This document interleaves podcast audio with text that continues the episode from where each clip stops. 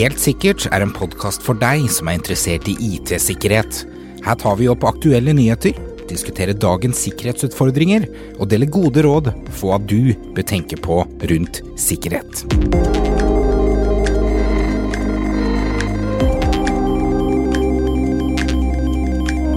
Du eh, bruker den når du sjekker nyheten på mobilen. Du bruker den når du er på jobb. Du bruker den til og med når du ser på TV. Eh, Vi snakker selvsagt om eh, internett. Men i 1983 så var ikke dette her en selvfølge. Eh, 1983 er nok et år som eh, ganske mange IT-nerder der ute kjenner seg igjen i. Iallfall hvis du er litt mer så sånn nerdete sånn som meg og Aleksander. Dette her var nemlig året da ARPANET tok i bruk TCP-IP-protokollen, eh, som i dag leder til det som vi kjenner til som internett. Men visste du at det finnes et annet internett der ute? Et eh, internett som eh, ligger på toppen av det som vi har som internett i dag. Visste du at eh, dette hemmelige nettet er et som kanskje de fleste av oss ikke har brukt, og bruker til vanlig?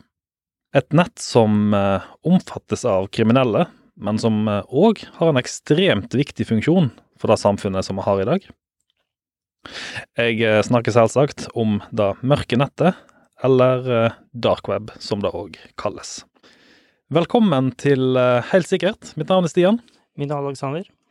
og i dag skal vi da altså snakke litt grann om eh, darknet og dark web. Og darknet, er det egentlig noe som du trenger å være redd for? Eller er det noe som du kan bruke i det vanlige? Du Alexander, hvis jeg sier darknet til deg, første gang du hørte ordet, hva tenkte du egentlig da? Ja, første gang Oi, det blir lenge siden. Nei, altså Darknet vil man tro at det er et nett som, som det er bare masse kriminelle og, og dårlige ting på. Det er liksom det man hørte første gangen. Mora nevner for jeg, vet, for jeg tenkte faktisk akkurat det samme selv. Darknet, første gang jeg hørte det, så var det vel et eller annet med noe dophandel og litt sånn forskjellige ting. Det er jo et gammelt fenomen, og det er litt sånn som oss, vi begynner å bli litt eldre. Jeg skal ikke si gamle, la oss ikke gå der. Altså, For meg så betyr Darknet ganske mye, nå til dags i hvert fall. Eh, når jeg først hørte om det, som sagt, betydde det veldig lite, men eh, nå gjør det at jeg eh, kan få mye mer frihet enn det jeg hadde før. Ja, altså Darknet kan jo bruke til både eh, de kriminelle kan bruke det, og, og andre vanlige brukere kan bruke det til helt legitime ting. Det trenger ikke være bare det kriminelle miljøet som bruker det. Nei, fordi at det er jo ofte et stort fokus på dette kriminelle miljøet som vi snakker, og at de bruker det til ulovlige ting, eh, som vi skal komme litt tilbake på senere. Men eh, det, det er jo et mye større bruk av ordet darknet og dark web. Vi skal forklare litt forskjellen på disse her eh, til dere. Det kommer jeg tilbake litt til. Men eh, det betyr jo egentlig et, et nett som er utenom det vanlige. At det er et usynlig nett. Det er et nett som ingen andre enn de du eventuelt vil snakke med eller gi tilgang til, har tilgang til. Det er ikke noe som for eksempel som vi er veldig vant til å bruke Google i dag. Google kan undersøke og indeksere og, og skanne alle IP-adresser som Google har tilgang til, og indeksere det, og hvem som helst kan da google etter det. Ja, fordi hvis, vi- hvis vi går litt tilbake, hvis vi går eh, 25 år tilbake igjen i tid, så var jo internett en helt annen plass. Man hadde jo søkemotorer på samme måte, kanskje begynnelsen på søkemotorer, men man måtte som regel vite om ressursene man hadde lyst til å besøke før man gikk til dem. Ja, man måtte liksom ha den adressen, eller kjenne til noen som har brukt den adressen før. Du kunne ikke bare søke etter hva som helst og finne det like lett som du gjør i dag. Nei, så, så man kan egentlig si at internett var et mer komplisert plass eh, tidligere. Ja, iallfall hvis du ser på, på å finne ting. Altså, det er jo mye mer komplisert nå. Nå har det blitt en bedrift, det jo blitt en verden rundt det. Ja, og veldig mange tror jo det internett er Google, eh, for da, da kan de søke etter ting, og det er jo det internett er. Men eh, det er jo ikke helt sånn det er. Nei, det er ikke helt sånn det er. Som sagt, det internett som vi kjenner til i dag, har det, har endret seg. Kanskje vi skal se litt grann på hva dark web faktisk er? Ja, Kunne du tatt oss litt inn i hva, hva du mener dark web er? Vi skal tilbake til eh, 1973 og ARPANET. Før jeg går videre i eh, historien her, så har jeg lyst til å forklare litt hva ARPANET eh, faktisk er til dere der ute. Spesielt dere som kanskje ikke kjenner til historien. ARPANET det står for Advanced Research Project Agency Network. Sorry, nå, nå leser jeg fra, fra et ark her. Der står ordet jeg Dette husker jeg ikke utenat. Eh, sånn, så det er jeg ikke. Men eh, i 1969 så eh, var det fire universiteter med datamaskiner som uh, knytta seg sammen ved hjelp av en 56 kilobits linje. Og Du husker tilbake, Alex? 56 kilobit? Ja, det var, Det, det er modern hastighet. det var moderne hastighet, og, det, og liksom, du måtte ha en telefonlinje for å koble deg til, og det er ikke sånn som er i dag med fiber og sånne ting. Det, det er ikke det. Uh, og etter dette her så vokste da nettet veldig mye hurtigere, og man fikk eh, stadig flere tilknytninger eh, over hele landet. Og dette her er forløperen til det som er dagens internett. Bare som en liten digresjon. Eh, Norge på dette stadiet her hadde en link som kalles for Norsar-linken. Den var faktisk oppretta på Kjeller, så ikke, ikke så veldig langt unna her som jeg holder til. Vi holder til på Skøyen. Eh, Denne tilknytningen skjedde faktisk i 1973. Eh, Og den gikk til en eh, universitetsforbindelse i London. Eh, Så Norge var faktisk det første landet utenfor USA som var tilknyttet dette nettet. Så teknologifolket som er det tidlig ute. Ja, vi var veldig tidlig ute. Vi skal tilbake til 1973. Fordi at vi snakker jo om darknetter og dark web. Og dette året er litt spesielt for oss, fordi det året som noen, noen studenter med MIT, Massachusetts Institute of Technology, beklager engelsen min, og Stanford brukte klienter på ARPANET til å handle marihuana mellom seg. Det, det, så, så det er litt moro her. Dette her skjedde ved hjelp av klienter som verken svarte på ping eller andre andre oppi nettet. Eh, og man så på dem som mørke klienter. Og dette er da faktisk det aller første mørke nettet som er i historien, som iallfall er dokumentert i historien, som også er åpent. Ikke sant? Og det var bare PC-er man ikke normalt sett kunne finne fordi man ikke hadde De ikke svarte på ping. Det er akkurat det, sant? Og så, så der har vi da uttrykket som kom. Darknet, som vi kjenner til i dag, kom seinere, det skal vi ta litt mer om etterpå. Men hvis vi ser litt på teknisk, hvordan bygger vi egentlig opp et såkalt eh, mørkt nett? Ja, og så når man har et nett som man ikke vil at andre skal se, så bruker man kanskje litt sånn VPN-teknologi og sånne ting. Og Darknet er jo veldig De bruker samme teknologien der de bruker en kryptert kobling og så flere flere hopp for at du skal skjule mer og mer hva du kobler til. til. Ja, for hele poenget med et såkalt nett er jo å for det første bruke eksisterende infrastruktur, slik som internett. Eh, men også å kunne eh, enten kommunisere sammen, kanskje dele filer sammen, eh, kryptert. Ja. Så et VPN-nett som vi bruker på toppen av internett, er egentlig et darknett. Ikke sant? Og det er bare en enkel måte å få du til å kommunisere med noen uten at andre kan se det. Ja, eh, så, man snakker om kryptering, man snakker om eh, å ha ting privat. Og vi, skal se litt eh, Altså, det er veldig lett å Dark nett og dark web, det er to uttrykk som ofte blandes sammen. Ja, det er, har egentlig to forskjellige meninger, men man bruk, har begynt å bruke det veldig om hverandre. Det, det da, hvis vi, og hvis, vi kan se på det sånn at eh, darknet det er selve teknologien som ligger i bunnen, mens dark web er tjenesten som kjører på toppen. Ja, Og du kan jo ha en dark web-side på internett uten at det er inne i dark nett-teknologien. Det, det, er helt rett. Som sagt, det er en webside. Og man kan da gi deg tilgang fra den websiden enten fra det såkalte mørke nettet, eller fra det faktiske internett. Det er bare en ressurs du kobler deg til som ikke alle har tilgang til, og du må kanskje være en gruppe med mennesker eller en tilgang som du må enten, ja, via en VPN-tilgang eller et eller annet sånt for å komme til. Men da, de fleste kanskje ikke at nå, nå har dere kanskje der ute Noen har hørt om Tor.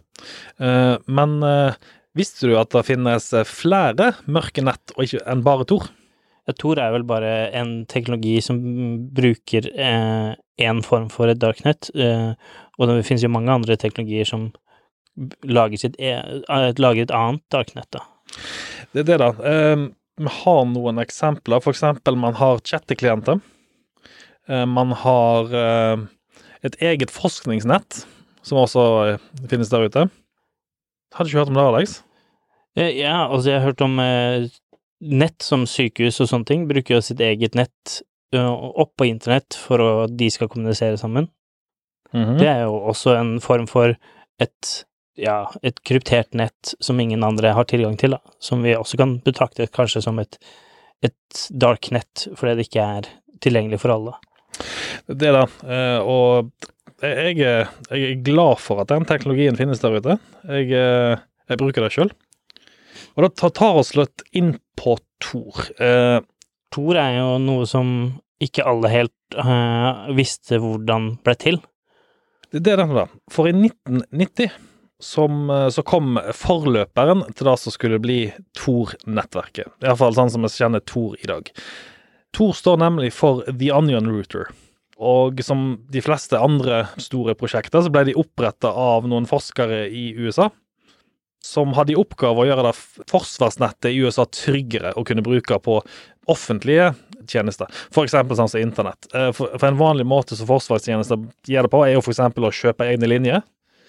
De kjøper egen infrastruktur, og så bruker de den infrastrukturen med krypteringsteknologi. Men det, det, det koster jo ganske mye penger.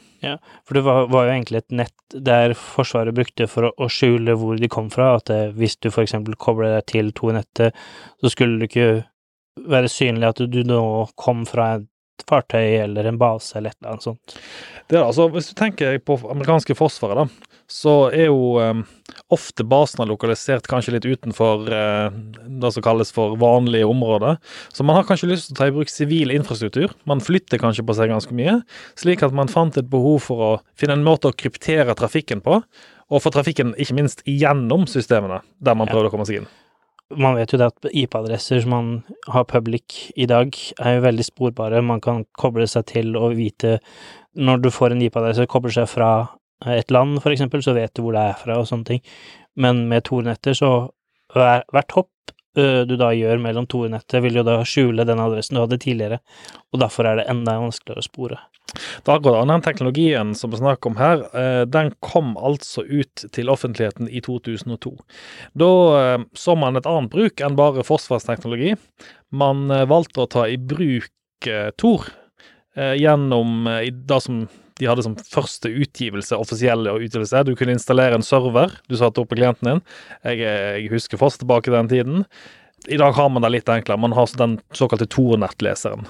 Ja, så man kan egentlig bare installere en plugin for å gjøre, bruke Tor i dag. Det er litt eh, å diskutere om hvor sikkert det er, men eh, det, er i hvert fall veldig enkelt å komme i bruk. Så, så hvis vi ser litt på teknisk på det, da. ehm, hvordan skal jeg beskrive dette ehm, visuelt? Nå driver jeg og veiver rundt med hånda mi for å vise. Ehm, hvis man ser for seg en, en labyrint, en labyrint med mange innganger. Du, du vet at det finnes mange innganger og mange utganger. Du begynner på ett sted, og du kommer til å gå ut på en eller annen utgang. Du vet ikke hvilken. Du bare går til den første du finner. Ja, og, og for å kanskje bruke litt mer ting inn der, så, så vil jeg i den labyrinten, så har du kanskje en stafettpinne. Mhm. Du skal få den stafettpinnen til å komme ut i andre enden, Yes. men du har mange personer inni i den labyrinten som du da gir den stafettpinnen videre til. Nettopp. Og la, hvis vi sier stafettpinne, da, la oss si at dette her er en scroll med tekst, og den teksten er da kryptert. Personen da som tar imot den, sender den videre til neste person, kryptert. Slik at ingen av personene mellom leddene klarer å lese hva som inneholder informasjon. Og mm, ofte så bruker man Det er mange som bruker samme person til, eller samme ledd i den labyrinten Mhm. til å sende, så du vet aldri om det kommer fra egentlig fra den eller den personen opprinnelig. Nettopp. Og, og da har man jo egentlig et ganske flott system. Fordi dataene kommer inn, jeg leverer det til førstepersonen. Du vet ikke hvilken person han leverer det til. Du vet bare at pakkene skal komme på en av punktene ut i systemet. Ja. Så inni hele labyrinten så kan den stafettpinnen ha veksla frem og tilbake et x antall uendelig, egentlig uendelige ganger, egentlig ikke uendelig, for den kommer jo ut til slutt, men den kan veksle frem og tilbake mellom personer et uvisst antall ganger. Og det gjør at det er enda vanskeligere for folk som ønsker å spore deg, da, å finne ut hvor det her kom fra, for du må følge alle ledd og, og hente ut data og, og logger fra alle de ledda. Yes. Og det, det skal jo sies at det har vært gjennomført noen målinger på dette her. For eksempel, hvis du setter opp det som kalles for en exit-node i Tor-systemet, det er egentlig en av de utgangene i labyrinten som vi snakker om, så kan du da begynne å måle hvor pakken har havnet til slutt, altså hvilke websider man har. Ja, for det, det er også veldig viktig for folk å vite at, Tore-nettet er ikke, er ikke et lokka nett, Nei. det er et nett som du kobler deg til på, som du kan fint søke på Google og VG og sånne ting på også, Mhm. Mm, i tillegg til andre ting da, som bare er tilgjengelig via Tor-nettet. Altså, det, det er jo egentlig Originalt så var det jo da det var ment for å brukes til, egentlig, eh, anonymitet. Altså en sikker måte for meg til å besøke en ressurs på utsiden. For, eh, for eksempel eh, ved bruk av sensur. Men det man ikke kanskje har kjent til, er som du sier, de tjenestene som finnes på nettet, som man besøker via såkalte .onion webadresse. Ja, som bare er tilgjengelig når du er inne på Tor-nettet. Du kan ikke koble til det uten å være kobla til der. Og det er jo litt av Det er ikke anonymt. Altså, folk tenker kanskje at det er 100% anonymt, og det er umulig å spore noen i systemet, men det er ikke helt sant. Nei, eh, det er jo ofte man legger igjen eh, pakker eller headers eller cookies, som man Mhm. eh, Ofte når man besøker andre sider, for eksempel hvis du går inn på Facebook, Yes. og du da har vært inne der med din egen konto, og da henter browseren din ned noen cookies som kan da bli spurt igjen for andre tjenester. Akkurat da, for det du må huske på, er at du vet som sagt ikke hvor dataene dine kommer ut. Så hvis jeg da sitter og lytter på alle dataene som kommer ut, så kan jeg da snappe opp biter av informasjon, og til slutt kanskje nok informasjon til at jeg klarer å sette sammen nok til å identifisere hvem du er. Og det er jo ikke bare det med at du var på Facebook, det her handler om eh, Du kan fingerprinte hvilken browser du bruker, Mhm. eh, hvor fort du browser, eh, hvor fort pakkene dine kommer, eh, til og med noen trekker på websidene du besøker, musbevegelser og sånne ting, for at du skal prøve å fingerprinte den personen. Og det, det skal sies at eh, dere som vurderer å ta dette i bruk der ute, eh, etterretningstjenestene er- har aktive servere på nettet, som sitter med sånne såkalte exit-noder. Det var en britisk politiaksjon der man brukte det samme systemet. Eh, Det var for å ta en pedofiliring, som da holdt til på det mørke nettet.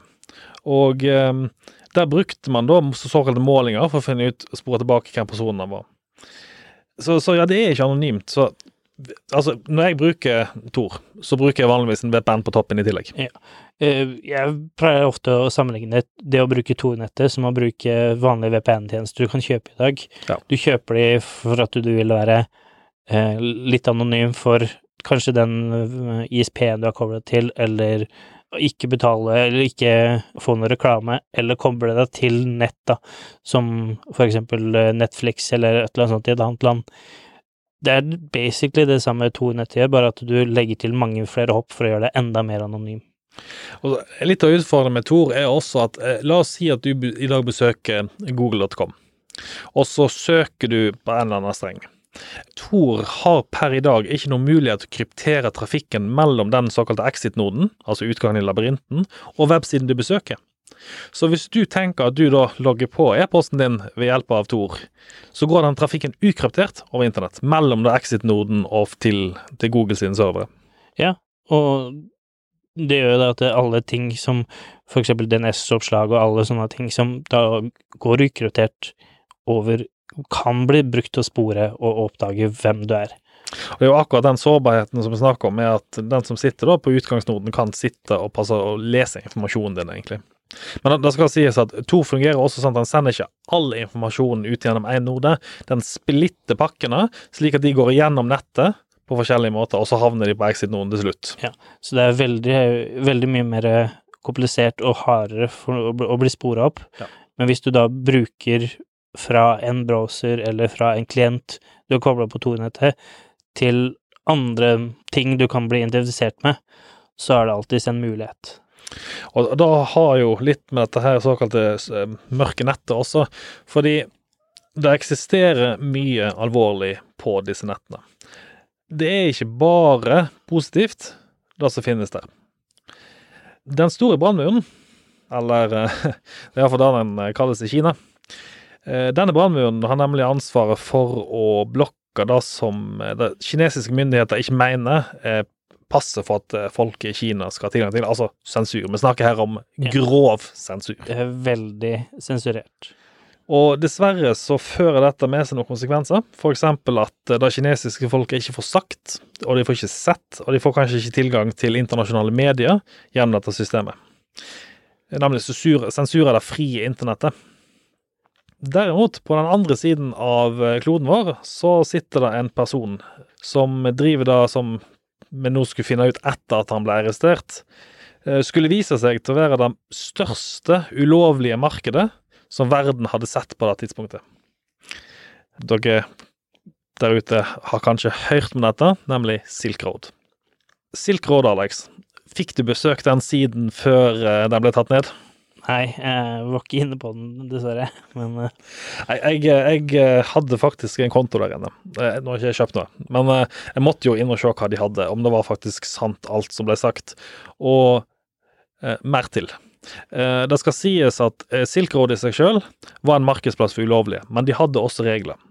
De, de forbydde eh, barneporno, for eksempel.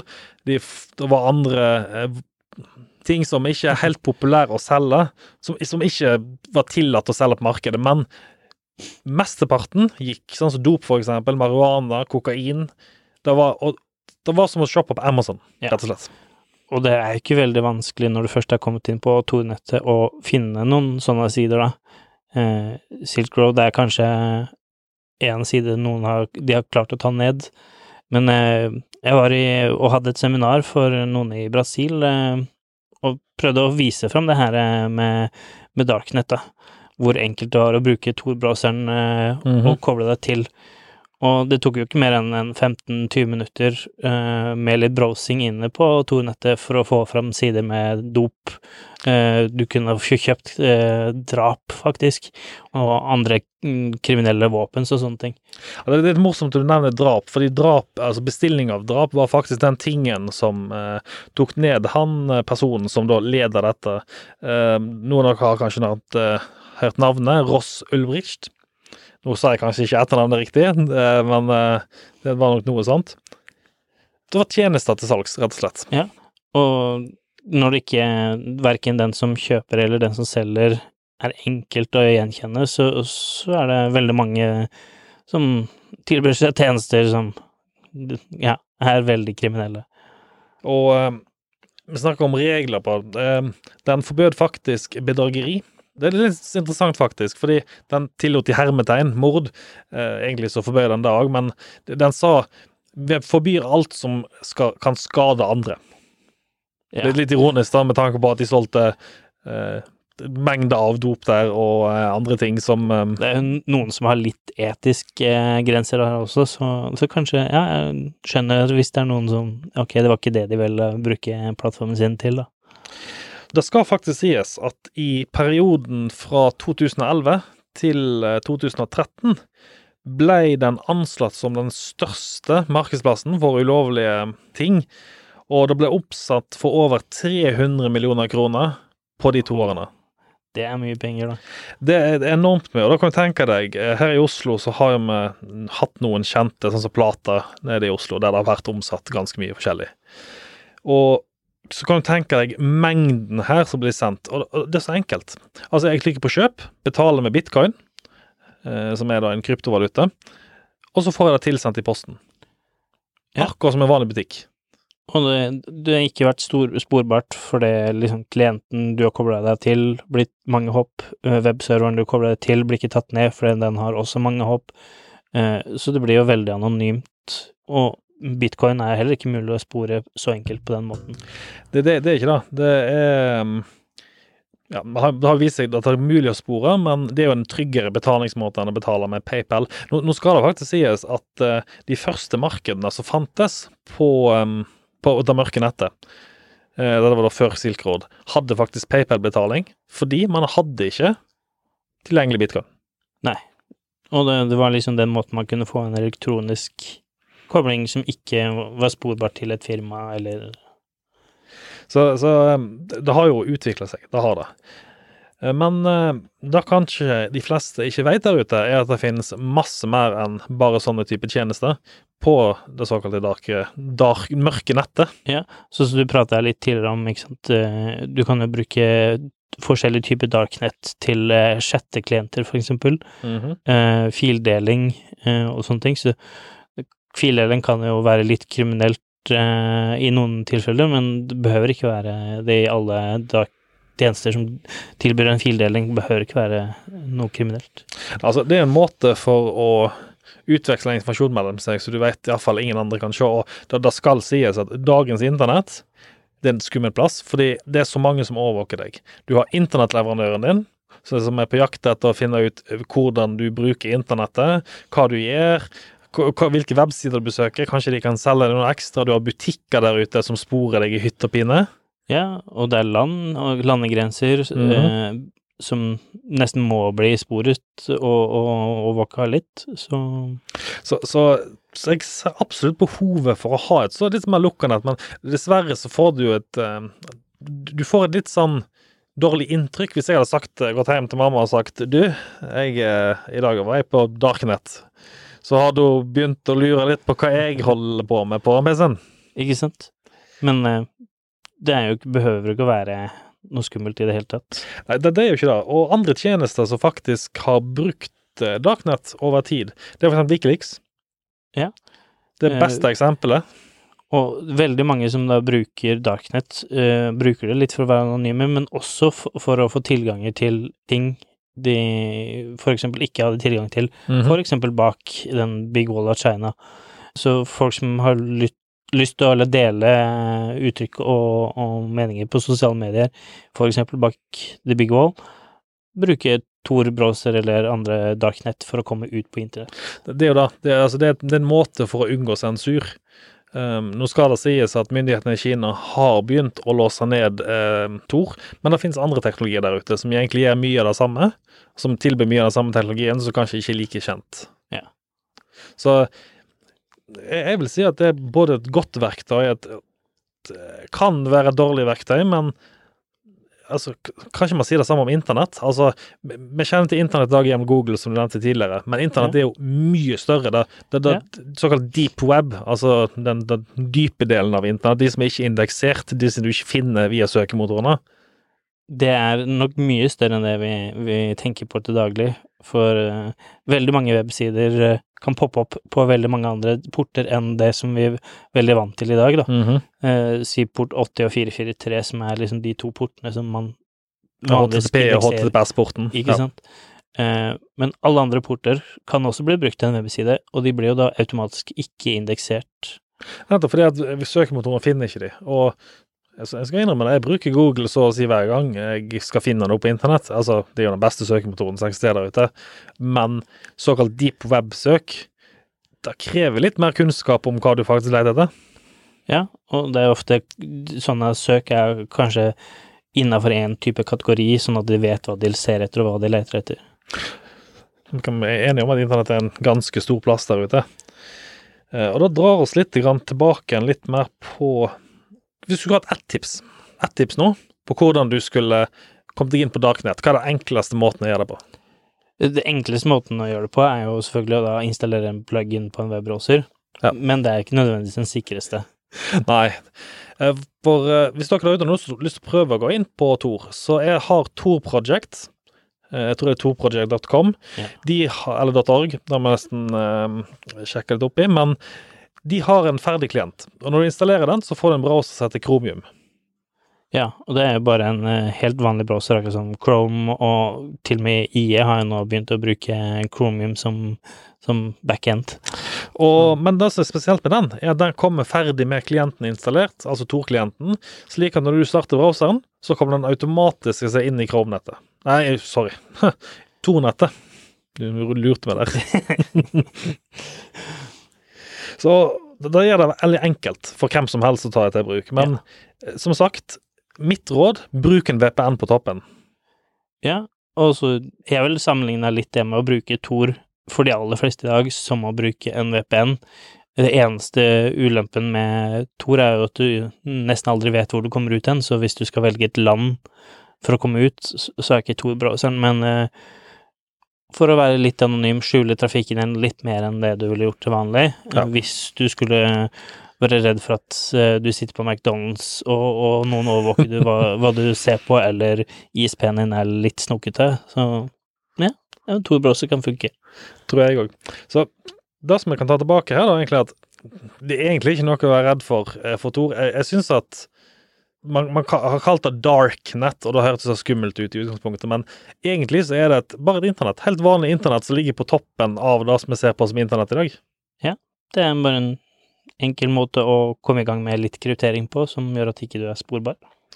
Så eh, hvis dere der ute har noen eh, tips tilbake til oss om andre mørke nett som eh, er populære, som dere har brukt, så dere har lyst til å dele at vi skal ta opp, så gjerne, legg gjerne en eh, kommentar på eh, Facebook-siden vår. Eller på Twitter har vi også. Eller på LinkedIn. Eh, Du kan Ja. også legge igjen. Og hvis du ikke ønsker å legge igjen med noen av de sosiale stedene, så kan du også sende oss en e-post. E Ja, kanskje du kan bruke Tor-nettet til å sende noen ting anonymt til oss, da. Hei, du, det var en god idé. Kanskje vi skulle fått oss en sånn Å, du vet hva, vi må få oss en webside på Tor. Ja. Du, nå har vi noe å gjøre for. Men uh, ja, det, det var egentlig alt for oss i dag. Eh, som dere sikkert har fått med dere, så har vi prøvd å ha et litt annet format på eh, episoden i dag. Se om dette funker. Om det ikke funker, legg gjerne en tilbakemelding på, som sagt, på sidene våre. Hvordan podkasten og episoden i dag var. Ja, vi setter pris på all tilbakemelding. Oh yeah. Helst, helst positive. Helst positive. Helst positive. Yes. Takk for nå. Takk for oss. Ha det bra. Ha det bra. Podkasten Helt sikkert er laget av Cybron Security og produsert av Shaw Media. For mer informasjon om IT-sikkerhet, gå inn på cybron.no, eller så finner du oss også på Facebook under navnet Cybron Security. Vi tar gledelig imot innspill, tips, eller om du har spørsmål rundt din IT-sikkerhet.